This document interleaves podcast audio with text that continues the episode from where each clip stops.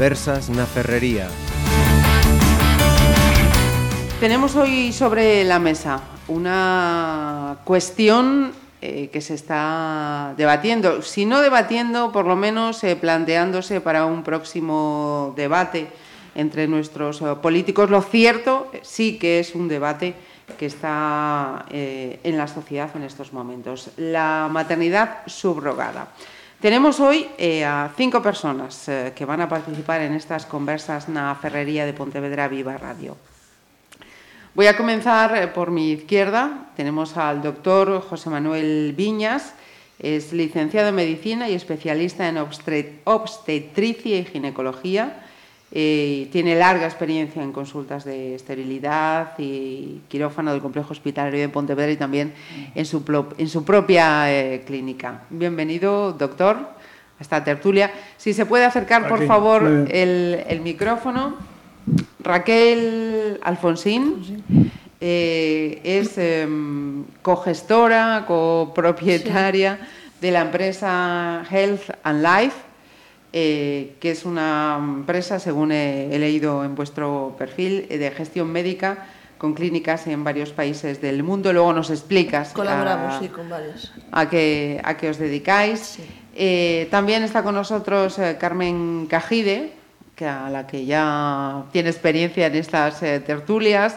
Eh, la conoceréis además de su trayectoria eh, política. Eh, contamos con ella por su participación, representación en REGAI, en la Red de Galega por la Igualdad. Y completamos también esta, esta mesa con Kiko Fray, en calidad de mm, padre adoptante, ¿no? Él es padre de una niña biológica de 14 años y otra niña eh, adoptada de, de 7 años. Y por Skype nos acompaña Diana Marre. Ella es doctora en Antropología Social y Cultural por la Universidad de Barcelona. Eh, es una experta en reproducción, adopción y subrogación, externalización de la reproducción, maternidades eh, excluidas e infancias, apropiaciones, exclusiones y derechos y pertenece a- al grupo de investigación afín de la Universidad Autónoma de Barcelona. Diana, bienvenida y muchísimas gracias por acompañarnos desde, Gracias a vosotros por invitarme. desde Barcelona esta, esta tarde. Como eres la participante que, que no vemos, no podemos mm, ver cuando quieres intervenir, por favor, eh, cuando, cuando quieras apuntar o señalar algo, haz- hazte oír, ¿vale? Bien. Eh, hemos expuesto en, en esta presentación eh, la, parte que podéis representar cada uno. Creo que eh, para empezar eh, le pediría a Raquel, por favor, que nos eh, expliques eh, cuál es la, la actividad de esta, de esta empresa y por el motivo por el que te hemos llamado hoy aquí. Muy bien.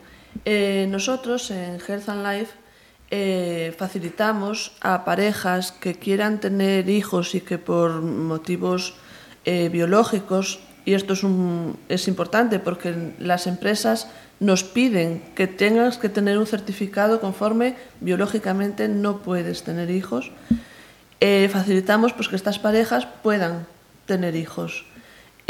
A todo tipo de familias. Nosotros no cerramos las puertas a nadie. Eh, eh, parejas heterosexuales, parejas homosexuales. Entonces trabajamos pues, en varios países. En Ucrania, que es la más solicitada para parejas heterosexuales, y luego en Estados Unidos y Canadá, que son uno de los pocos países que facilitan la subrogación a parejas gays. Y entonces le ponemos en contacto con las parejas, eh, cogemos información, sabemos lo que necesitan y les buscamos la mejor, eh, la mejor agencia o la mejor clínica que le puedan ir a su caso. Eh, dado que en España la maternidad subrogada está en, situación alegal, eh, en, en vuestro caso, vuestra actividad, eh, ¿cómo está eh, catalogada? Nosotros somos facilitadores médicos, buscamos soluciones. Nosotros no somos clínica, no somos agencia. Nosotros buscamos en los países en los que sí que es legal, buscamos la solución. Eh, te digo, por eso te comentaba, en Ucrania es completamente legal y se arreglan los papeles para que el niño cuando entre en España sea completamente legal, por supuesto. Que todo esto es un tema muy delicado y tiene que tener la parte legal completamente eh, perfecta, por decirlo de alguna manera. Entonces, eh, se realizan los papeles con el consulado y el niño viene a España adoptado por el padre. O sea, adoptado, perdón. El niño viene con su padre, luego la madre en España la tiene que adoptar. Es el, la trampa, por decirlo de alguna manera, para poder tener un niño subrogado en España. Que ya se están dando eh, bajas de paternidad por casos subrogados. O sea que se van dando pasitos. Pero en inicio no se puede subrogar en España por lo que acabas de comentar, es, es ilegal o alegal. en, en, tu caso, por tanto, eres de, defensora de la maternidad subrogada. Sí, claro. Eh, Diana, por favor, eh, cuéntanos eh, cuál es tu criterio, tu posicionamiento, tu opinión sobre, sobre la maternidad eh, subrogada.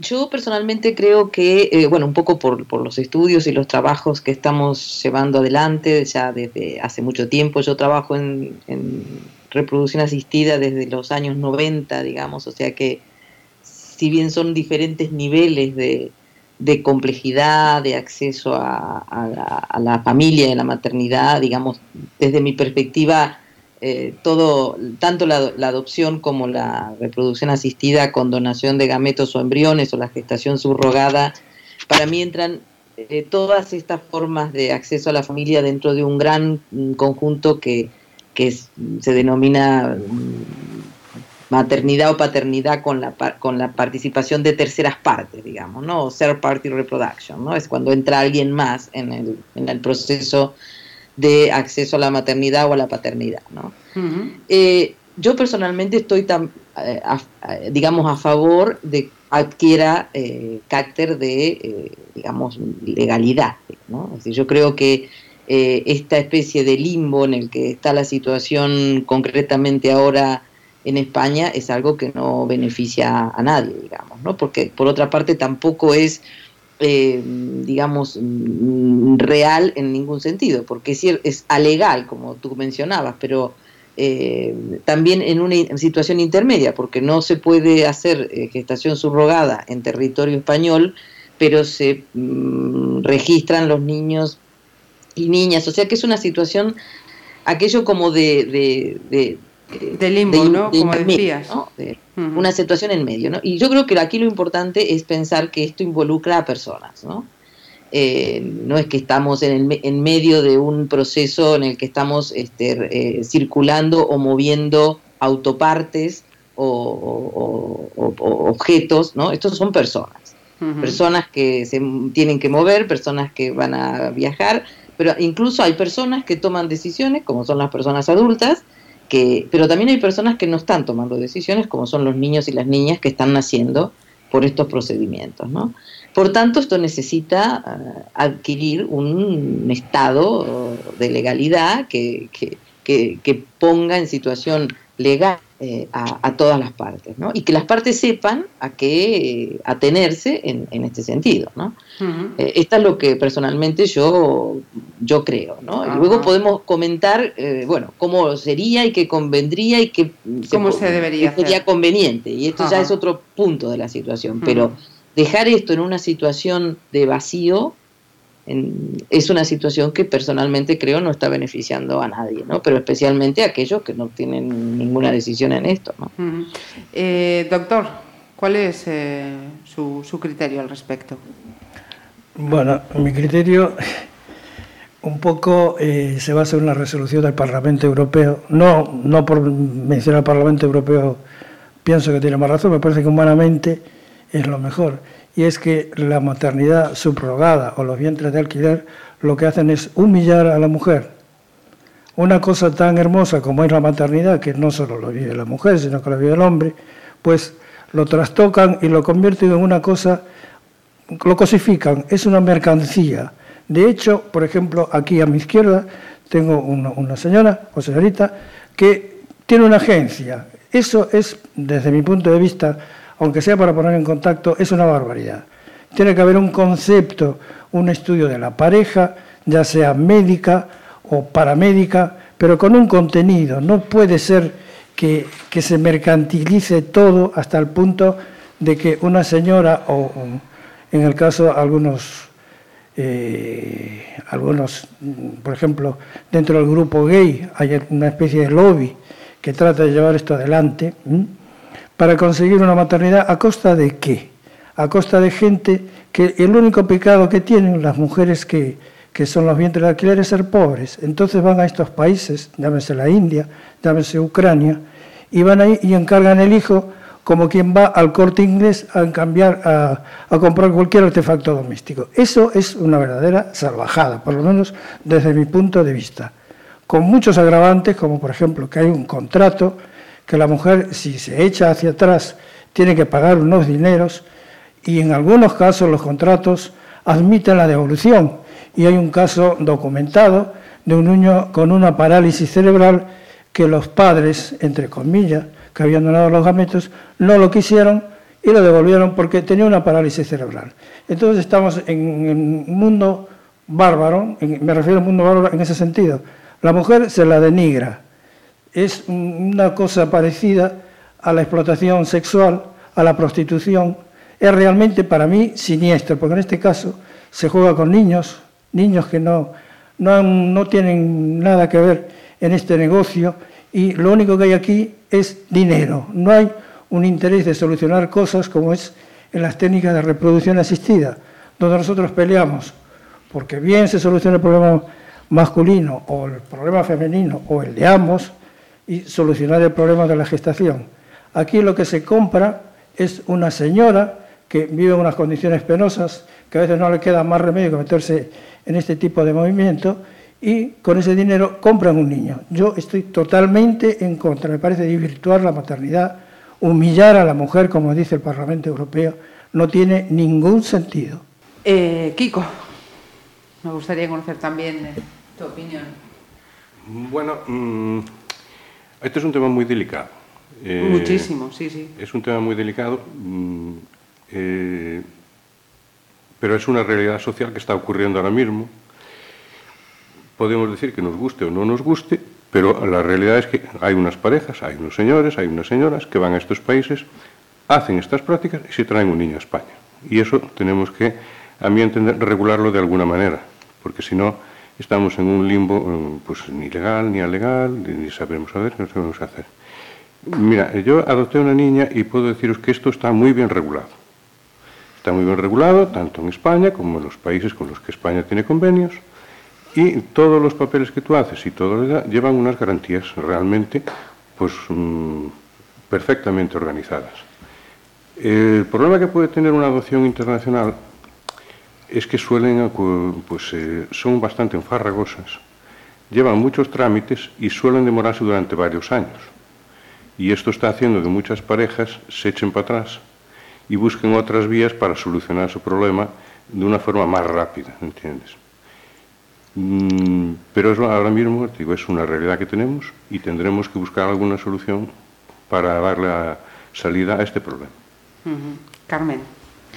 Bien, eh, varias cosas. En primer lugar, me gustaría empezar diciendo que en general en el mundo está prohibido.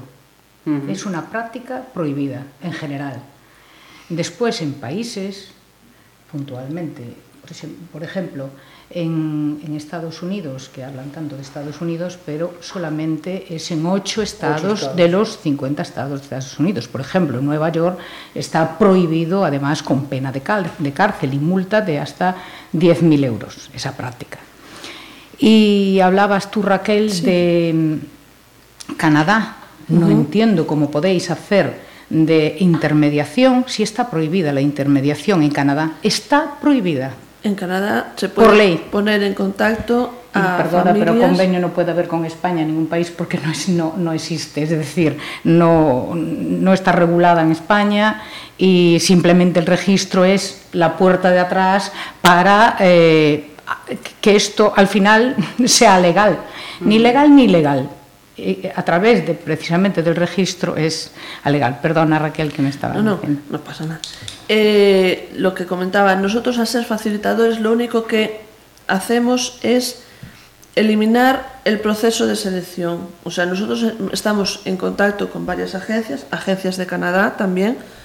Es verdad que en Canadá está más regulado, eh, las madres de alquiler ya tienen estipulados lo que van a cobrar, ya tienen estipulado. Mm, es todo más cerrado, no como Estados Unidos, que es todo como un poco al mejor postor. En Canadá está prohibida incluso la compensación. Es totalmente altruista. Está prohibida incluso la compensación. Y está prohibida la intermediación. Pues estará prohibida la, por ley estará prohibida la compensación, pero yo con lo que he hablado con las agencias, a las madres se les paga. Sí, sí, claro, como en muchos sitios que se busca la, trampa que tú decías antes, pero lo que me parece increíble es que alguien se pueda dedicar a la trampa. Yo lo que ya las a la trampa. Ya hay, nosotros lo único que hacemos es acercar a la pareja que quiere tener el hijo a la agencia. Pues en esta agencia te van a hacer estos servicios y en aquella te van a hacer los otros. Ya como las realicen las agencias, ponemos en contacto, sencillamente. Yo o tengo mal los datos o de verdad en Canadá es así, que pues si está mal, ponerlo encima de la mesa y que yo no quiero decir que tenga yo la verdad absoluta, pero los datos que tengo, la información que tengo es esta. Trabajamos con dos agencias. Porque a veces hablamos como si esto fuera generalizado en todo el mundo y no. Mm, mm, de hecho, en la mayoría de los países está prohibida. Está en Canadá. Francia, Holanda, Alemania, Italia, Noruega, en, Suecia, en, Suecia, em, está en proceso incluso de prohibición total. que estaba en una situación de que, bueno, había mm, alguna eh, posibilidad para, para, hacerlo, pero ahora está eh, en proceso de prohibición total. Es decir, estamos hablando precisamente de los países eh, bueno, pues con una mejor situación, digamos, económica y social.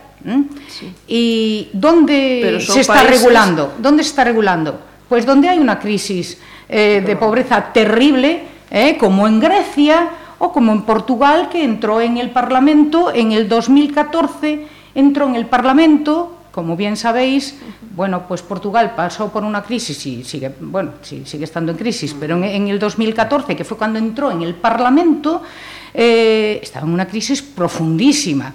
Grecia, pues lo mismo. Es tremendo cómo va de la mano eh, la pobreza y los vientres de alquiler.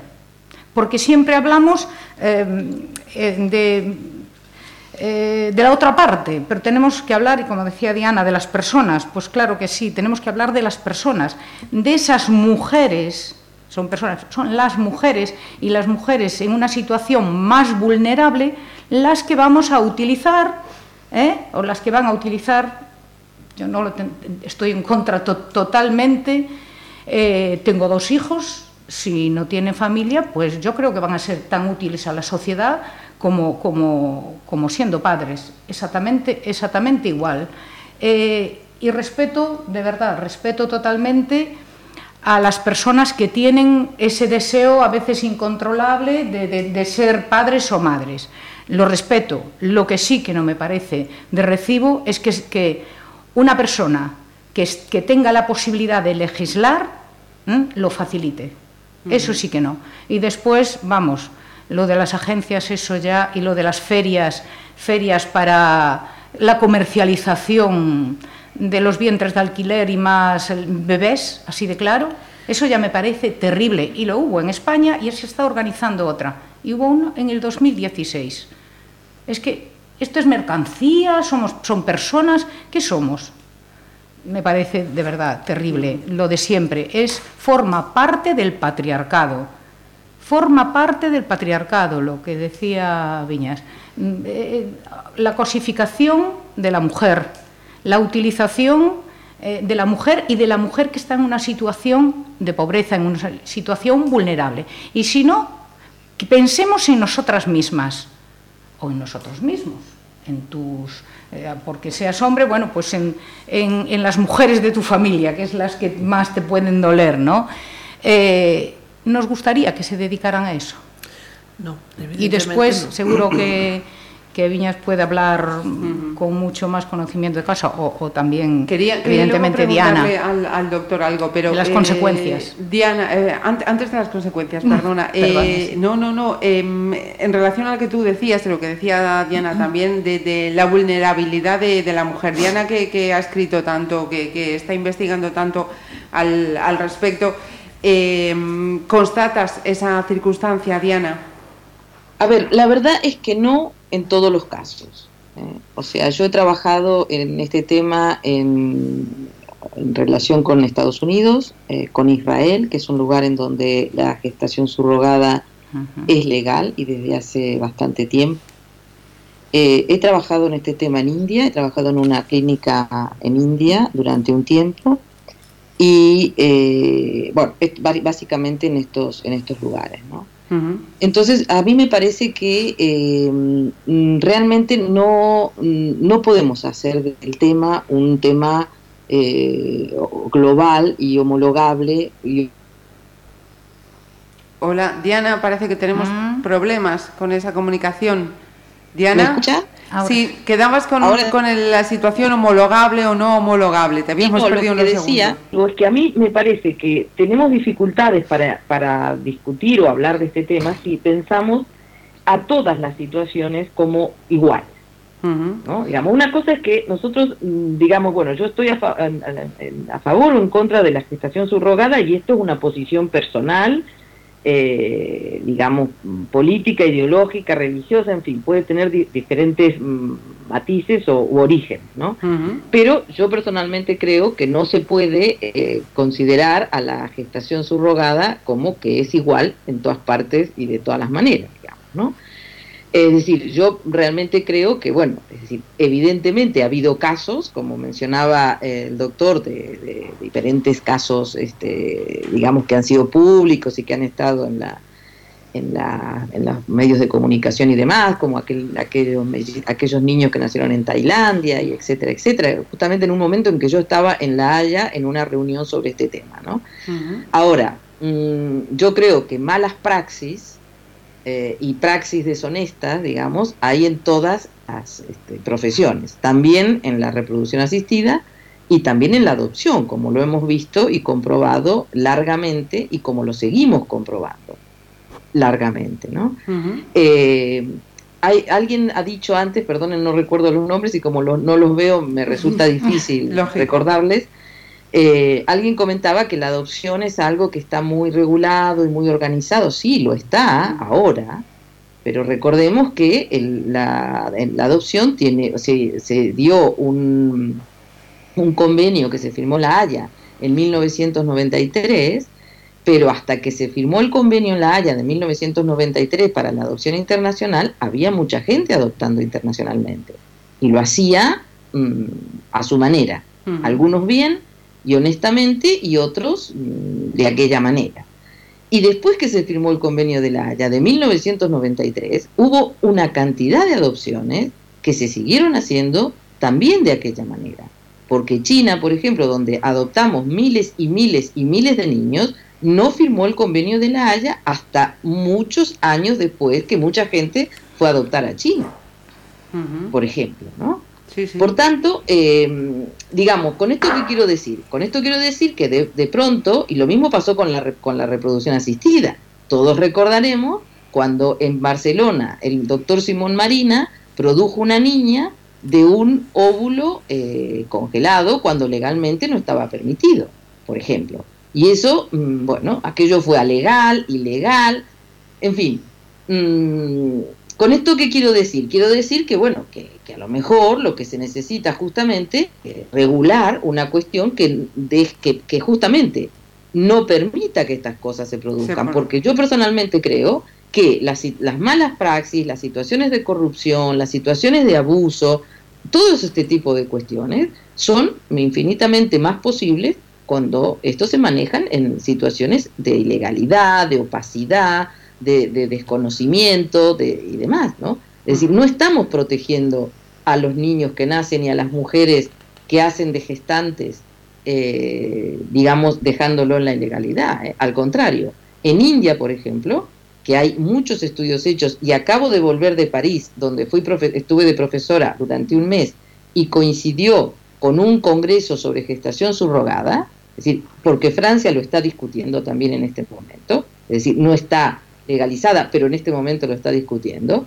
y lo que se ha comprobado en India es que en el momento en que India pasó de tener una ah, eh, gestación subrogada comercial, entre comillas, altruista, las únicas personas que han quedado en estado de vulnerabilidad son las gestantes. Y quienes han pasado a, beneficiarse prácticamente exclusivamente es la industria o la industria eh, médica, ¿no?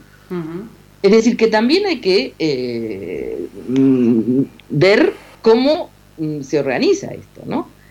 O cómo se puede eh, valorar. A mí me parece que en un mundo global como el que estamos viviendo, uno puede decir, bueno, no, no la miramos para el costado, que es lo que estamos haciendo en España. Miramos para el costado y que cada uno se arregle, ¿no? O vaya por su cuenta. Ahora, esto implica dejar a mucha gente eh, en estado de en situación de vulnerabilidad y de desprotección, ¿no? a los más vulnerables. Ahora, evidentemente, alguien decía, esto es explotación de las mujeres. Depende de cómo se mire. Yo creo que muchas mujeres están explotadas de muchas maneras. ¿eh?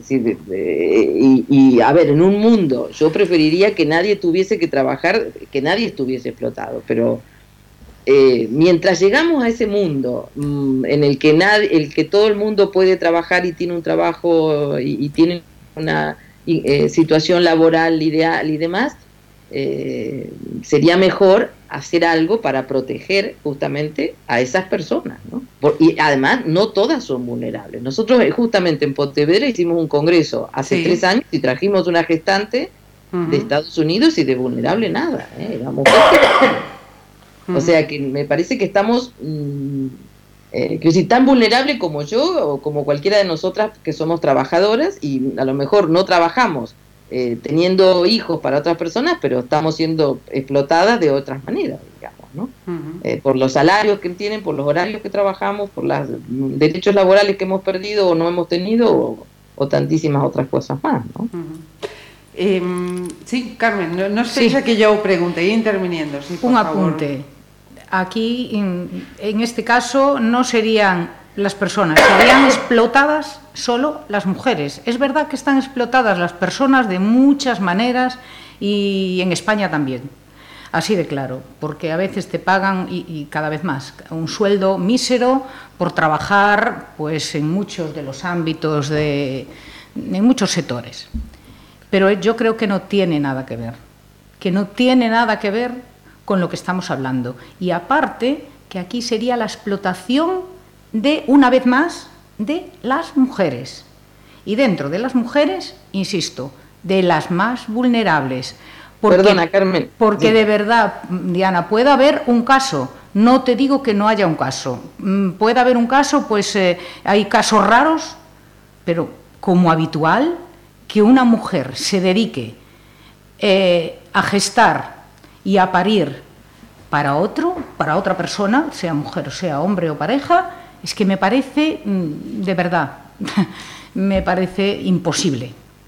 Me parece que por gusto, imposible. A ver, perdona. ¿Puedo hablar? Sí, sí, sí, Diana, sí, sí, sí, sí. Eh, a ver, yo no sé si por gusto, algunas también, Carmen, ¿eh? lo hacen por gusto o por solidaridad. ¿Eh? Bueno. O, sea que no, pero, pero mm, otras lo hacen por necesidad y por dinero, como, ah. todas las que trabajamos. ¿eh? como las mujeres que van a limpiar las casas de otra gente por cuatro euros porque lo necesitan. ¿eh?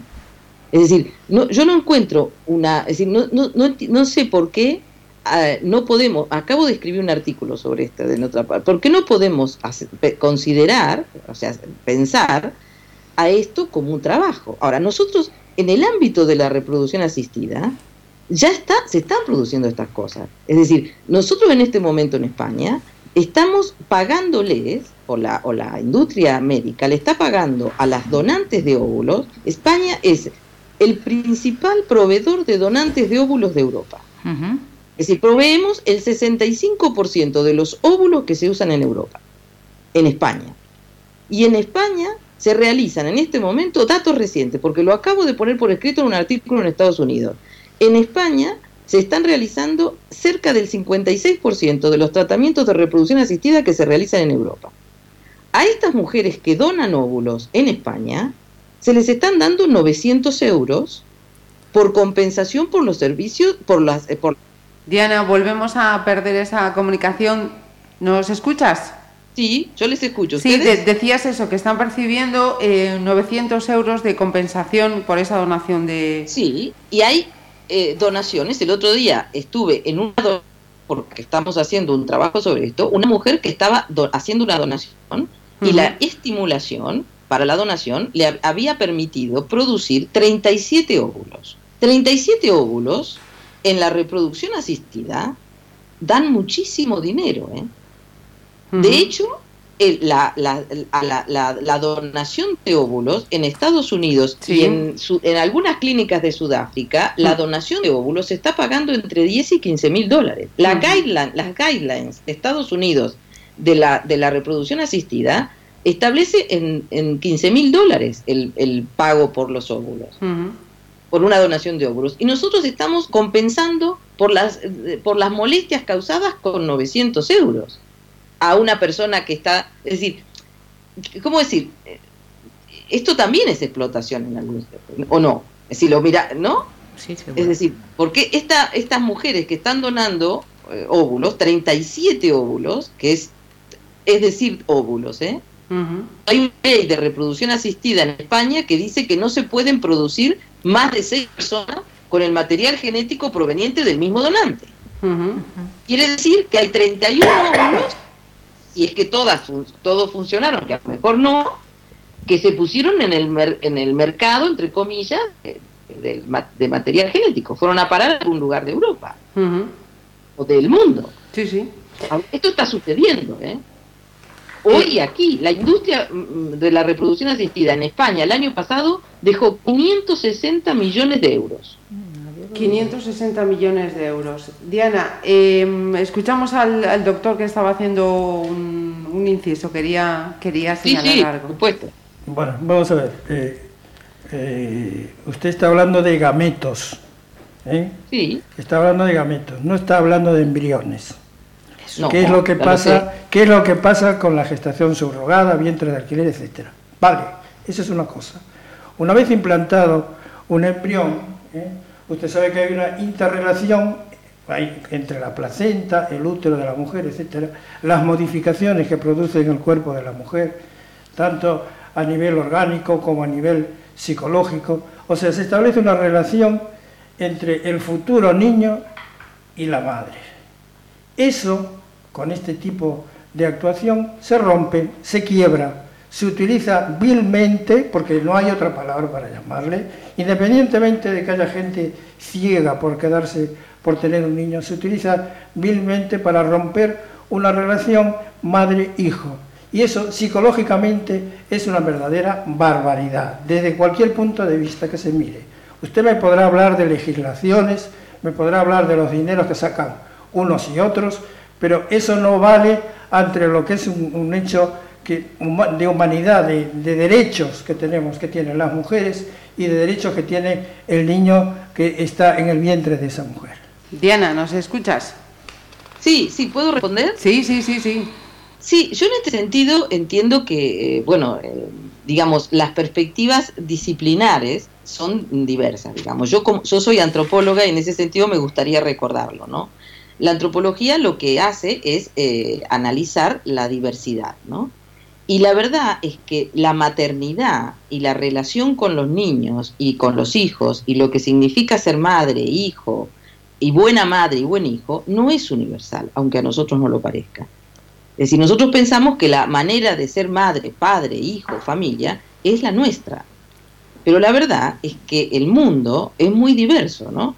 Y ahí afuera o ahí allá hay otras muchísimas formas de ser padre, madre y de relacionarse con el hijo no es, no es una cuestión biológica la relación con, el hijo o con la maternidad. y la verdad es que este también sabemos... En este caso hay una relación biológica. ¿eh? Sí, la hay, pero la relación biológica... No se puede negar eso. Hay una genética, hay una epigenética, hay una Las personas que tienen hijos adoptados saben que la relación biológica es una, una parte de, de la relación con los hijos. La relación con los hijos no es solamente biológica. Tiene mucho de social, de, de, de, tiene mucho de, convivencia, tiene mucho de estar con los hijos.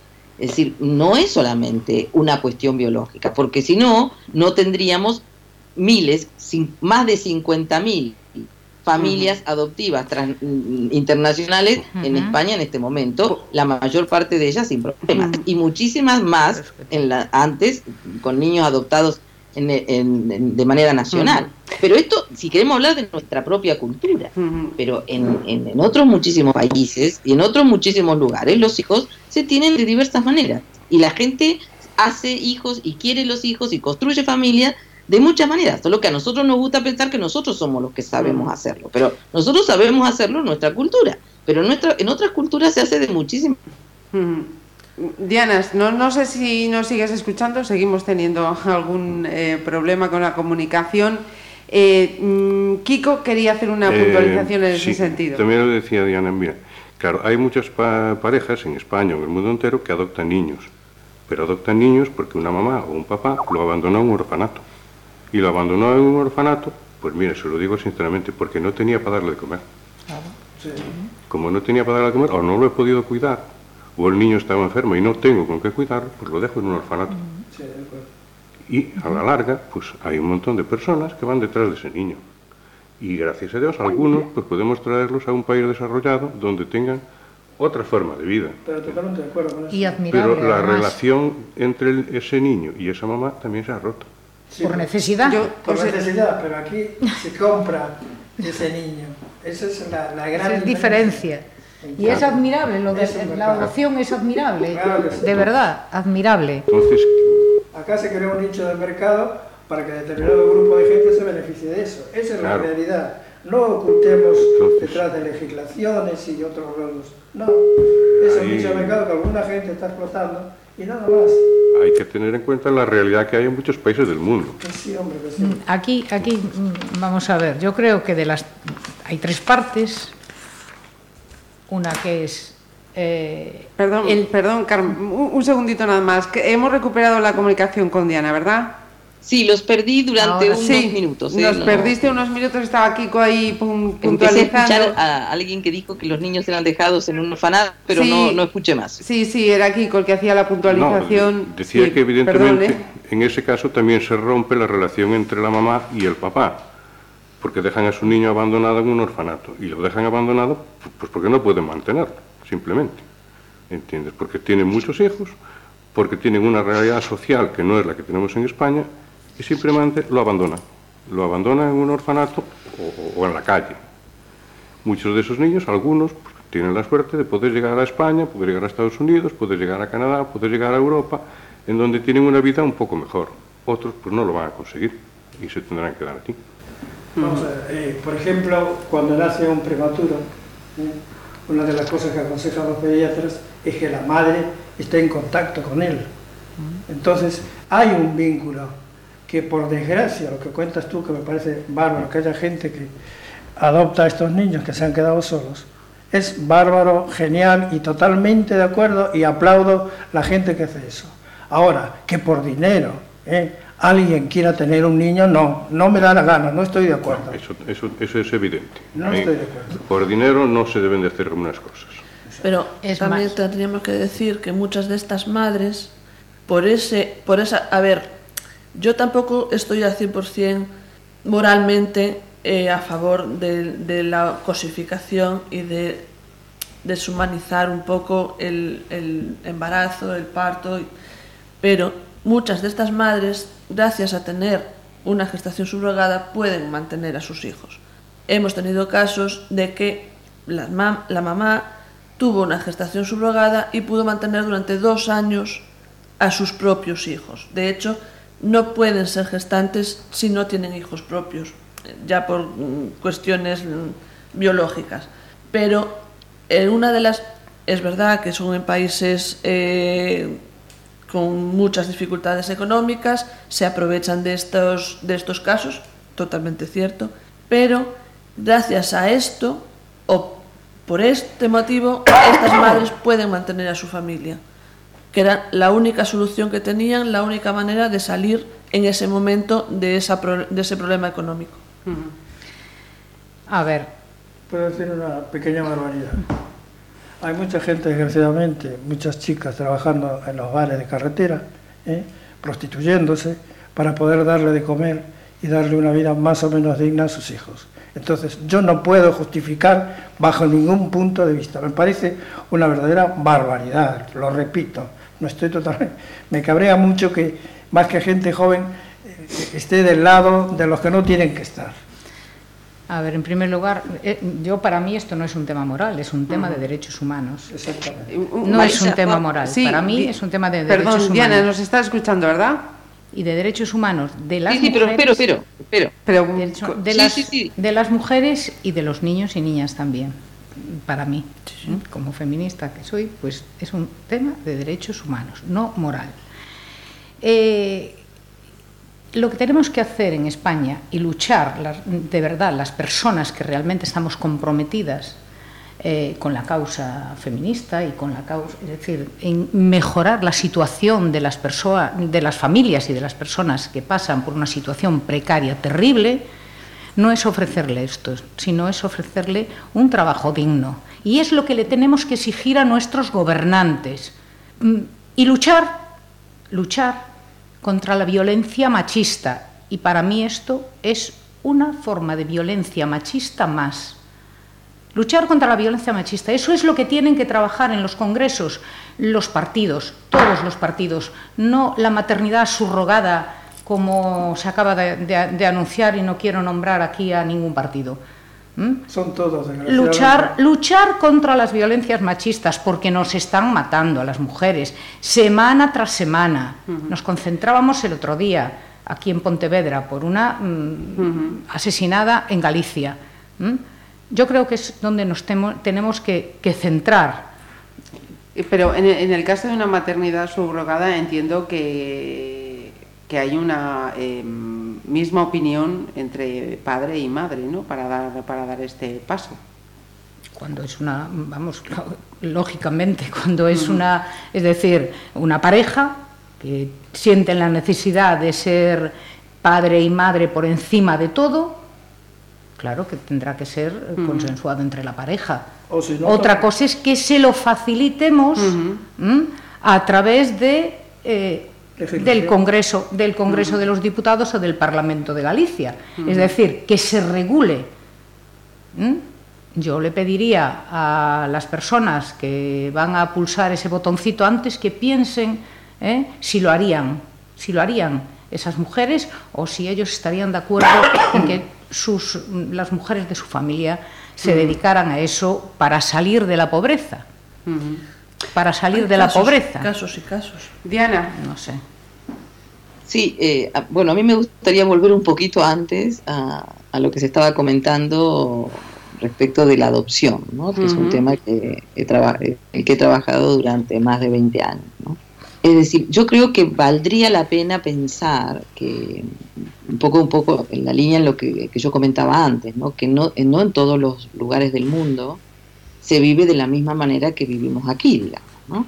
Es decir, nosotros damos por supuesto que un niño o una niña va a la, adopción, digamos, ¿no? porque, eh, digamos, sus padres o madres no han podido hacerse cargo de ellos por cuestiones de pobreza.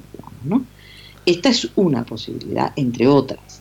Creo que valdría la pena recordar, para poner solo un ejemplo que conozco mucho, porque por este acento ya sabrán de dónde vengo, digamos, este, toda América Latina tiene el, la interrupción voluntaria del embarazo sin despenalizar es decir, que es ilegal y está penado. Por lo tanto, hay muchísima gente en América Latina, muchísimas mujeres, que están teniendo hijos que no quieren tener, que no que por violaciones, como recordarán en Guatemala aquella niña de 9 o 10 años que no la dejaron abortar, eh, por violaciones al interior del matrimonio, por falta de acceso a la anticoncepción, porque no solo la interrupción voluntaria del embarazo, no se accede, sino también en muchos casos a la anticoncepción, y en otros muchos lugares del mundo también.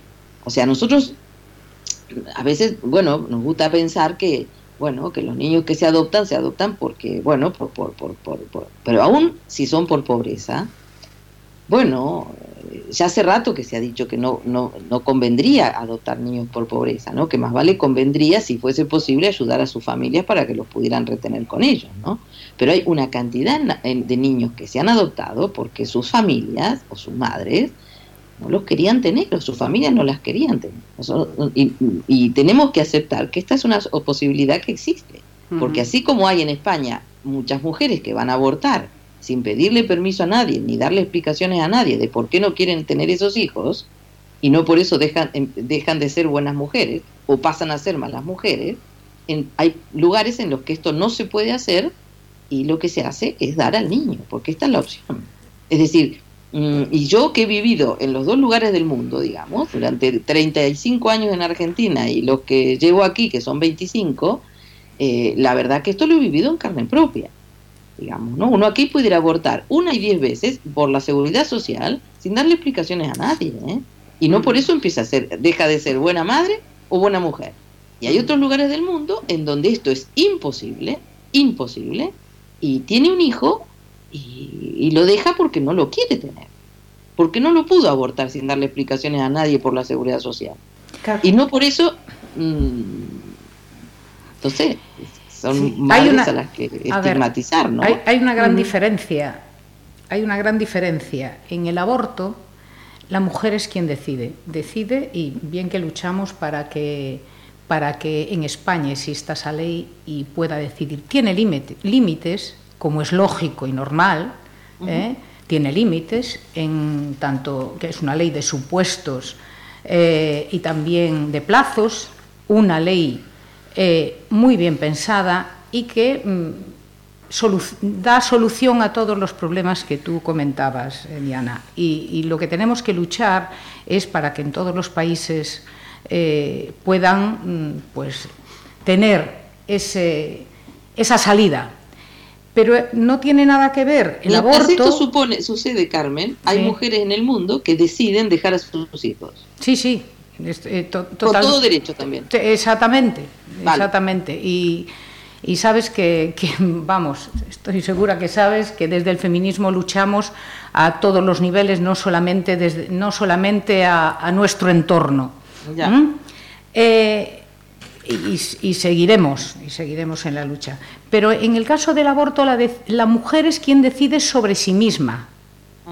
No hay una tercera persona que utiliza tu vientre. Eres tú quien decides. En, la, en, el vientre de alquiler. Carmen, son las mujeres que deciden. Yo no sé por qué pensamos que toda mujer. A ver, es abrir una puerta. Tú le abres una puerta, si se regula eso, le abres una puerta para que, como decía Raquel, pues eh, en una situación de pobreza, pues tengas una opción. Tienes una opción, tienes eh, eh, y, le abrimos la puerta a que tenga esa triste opción. Lo que hay es que dar otras salidas. Pasa como en la prostitución, lo mismo. Si todos tuviéramos la trata, no lo haríamos. Que existe. Es para mí es la explotación, una vez más, la explotación de la mujer. Mm, doctor. Una acotación. Eh, yo soy mitad argentina y mitad gallego, se puede decir. Por lo tanto, tuve la mala pata de vivir el tema de Videla y otro, otra gentuza como, como yo. Bueno, pues entonces me entenderás cuando te digo lo siguiente. Las abuelas de Plaza Baño que estuvieron buscando a sus nietos y los, los nietos o los niños que anduvieron buscando a su familia. Estos niños que se entregan por gestación por, de las madres de alquiler y todo eso, se les va a informar ¿eh? o está taxativamente en algún lugar dicho que fueron niños que los compraron o lo, alquilaron a sus madres para que salieran afuera. Y cuando hay, es que me confundo y me, me, cabrea muchísimo el tema, porque en la ley del aborto, por ejemplo, una de las cosas que se decía era llegar a la interrupción del embarazo ¿eh? hasta un nivel en que el, niño, el feto no pueda, digamos, eh, tener una interrelación con la madre. Y aquí pasamos de la interrelación con la madre, pasamos de tiempos y entregamos directamente el niño a otra persona que no tiene nada que ver con ella. Yo creo que el problema de los niños no está contemplado absolutamente para nada, por lo menos en lo que yo he leído hasta ahora. No, no, no, yo creo que este es el problema. El tema de los niños no está contemplado hasta ahora. Pero yo creo que no regulando esto no lo vamos a resolver, al contrario, yo estuve convocada, yo representé a España, bueno, fui como la única persona en España junto con una colega de mi grupo de investigación en una conferencia que se hizo en La Haya en agosto de 2014 sobre este tema. Y uno de los grupos más importantes que había en, esa, en ese congreso, en esa conferencia La Haya, donde estaba representado más o menos todo el mundo, era un grupo de personas adoptadas transnacionalmente y de personas producidas por reproducción asistida.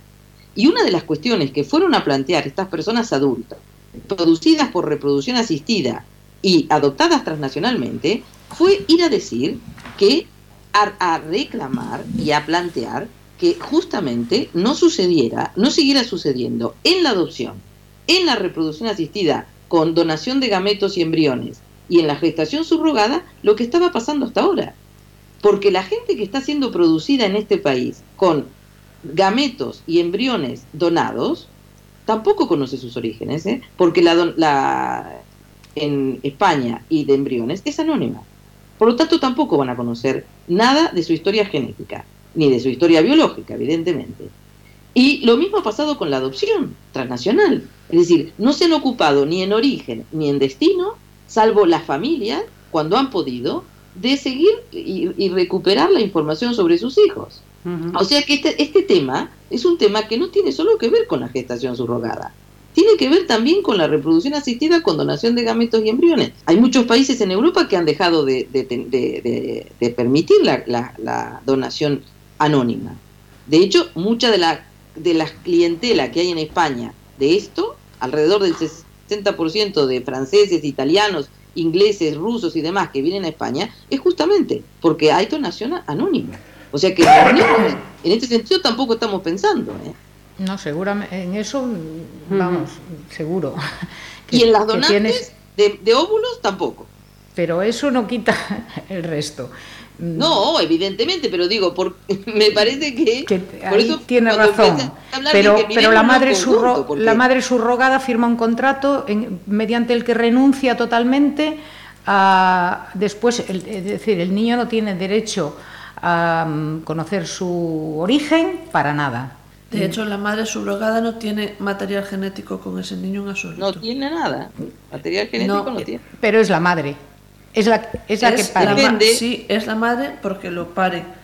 Pero material, material genético no tiene en absoluto. Evidentemente, si ese embrión estuvo dentro del útero, hay lo que se llama la unidad feto placentaria, ¿eh? hay una interrelación ¿eh? y hay un, un, tema genético que se llama epigenética que va a modificar ese embrión y eso no hay, no hay vuelta que darle. Estáis fastidiados a nivel biológico también. Yo no discuto esto, pero realmente creo que eso también forma parte. Y nos convertimos en contenedores, es decir, nos convertimos en vasijas, contenedores, como le queramos llamar, a, las mujeres, e insisto, a mujeres en situación precaria. No siempre. Y después puede haber casos puntuales, como hay en todo, casos puntuales, pero vamos, yo no conozco ninguno, ni creo, ni no conozco a nadie que se prestaría y en los últimos tiempos pregunté, pero muy mucho, ¿eh? muchísimo. Y no conozco a nadie. Incluso le preguntamos, eh, que Viñas que estuvo en, se acordará, que le preguntamos a una representante de la asociación eh, pro... gestación subrogada y, dijo que se lo tendría que pensar. O sea que, a ver, eh, siempre que hablemos de otra persona que a nosotras, bueno, ni la conocemos ni, ni nos duele, pues sí, desde luego a mí me duelen todas las mujeres. Planteo una cuestión, por ejemplo, ¿no? en, este, en este debate que decías ahora que has preguntado. Vamos a ponernos en el supuesto de un familiar próximo. Imagínate, yo, eh, o un familiar mío directo, que no puede ser madre, y, y yo me presto. En este caso lo veríais con, de otra manera, sin una contraprestación. Sin una, es decir, pero sin una contraprestación es nada. Mm, por ejemplo, hay casos de que la, madre, eh, bueno, pues hizo de, digamos, gestó para, la hija. Eh, yo en esos casos, de verdad, no, no es que no lo tengo claro, pero creo que no me, no me importaría. Pero en cuanto, en cuanto hay un euro por medio, a mí no me vale con que le llamen compensación, porque eso es entrar al final en un sistema de compraventa. Está clarísimo. Y en un mercado. Al final, quien se beneficia de esto es el mercado. muchas veces no son ni siquiera eh, los, lo que le llaman los padres y madres de intención. Ni siquiera, porque a veces se meten en verdaderos líos en algunos países que supone Mm, vamos, dificultades grandísimas y bueno, y, para, y problemas, evidentemente, para la, madre subrogada, eh, que en algunos casos llegan a tener hasta 10 eh, embarazos y 10 partos. Y vamos, eh, seguramente aquí en la mesa hay gente que sabe mucho más que yo de las consecuencias de tener ese tipo de embarazos, y, partos tan reiteradamente, vamos. Pues eh, llevamos una hora de debate. Sin duda alguna, lo que, lo que entiendo es que lo que hemos eh, comentado, lo que hemos visto, lo que hemos escuchado en esta mesa hoy es, un ejemplo de lo que está sucediendo en la, en la sociedad. Un debate abierto con múltiples eh, vértices, en múltiples, múltiples perspectivas yo os, agradezco de verdad, sinceramente, que hayáis venido. Diana, muchísimas gracias por hacernos un hueco y, participar en esta, en esta tertulia. Porque además. A ustedes por invitarme y bueno, y por compartir y espero alguna vez verlos personalmente. Volver a Pontevedra, que como nos decías ya habías estado aquí participando de un congreso. Sí, ya tengo muchas ganas, siempre lo paso muy bien allí, así que encantadísima en algún momento que pueda estar allí de nuevo, sí. Pues eh, cuando vuelvas ya, ya sabes, una, una, visita aquí en Pontevedra Viva para, para conocernos y agradecerte tu, tu, presencia. Muchas gracias, Diana. Muchas gracias. Y gracias eh, también a Kiko, a Carmen, a Raquel y al doctor Miñas por habernos acompañado y como digo, el debate daría para mucho más pero ponemos aquí el, el punto final. Gracias. Muy bien. Así, pues gracias.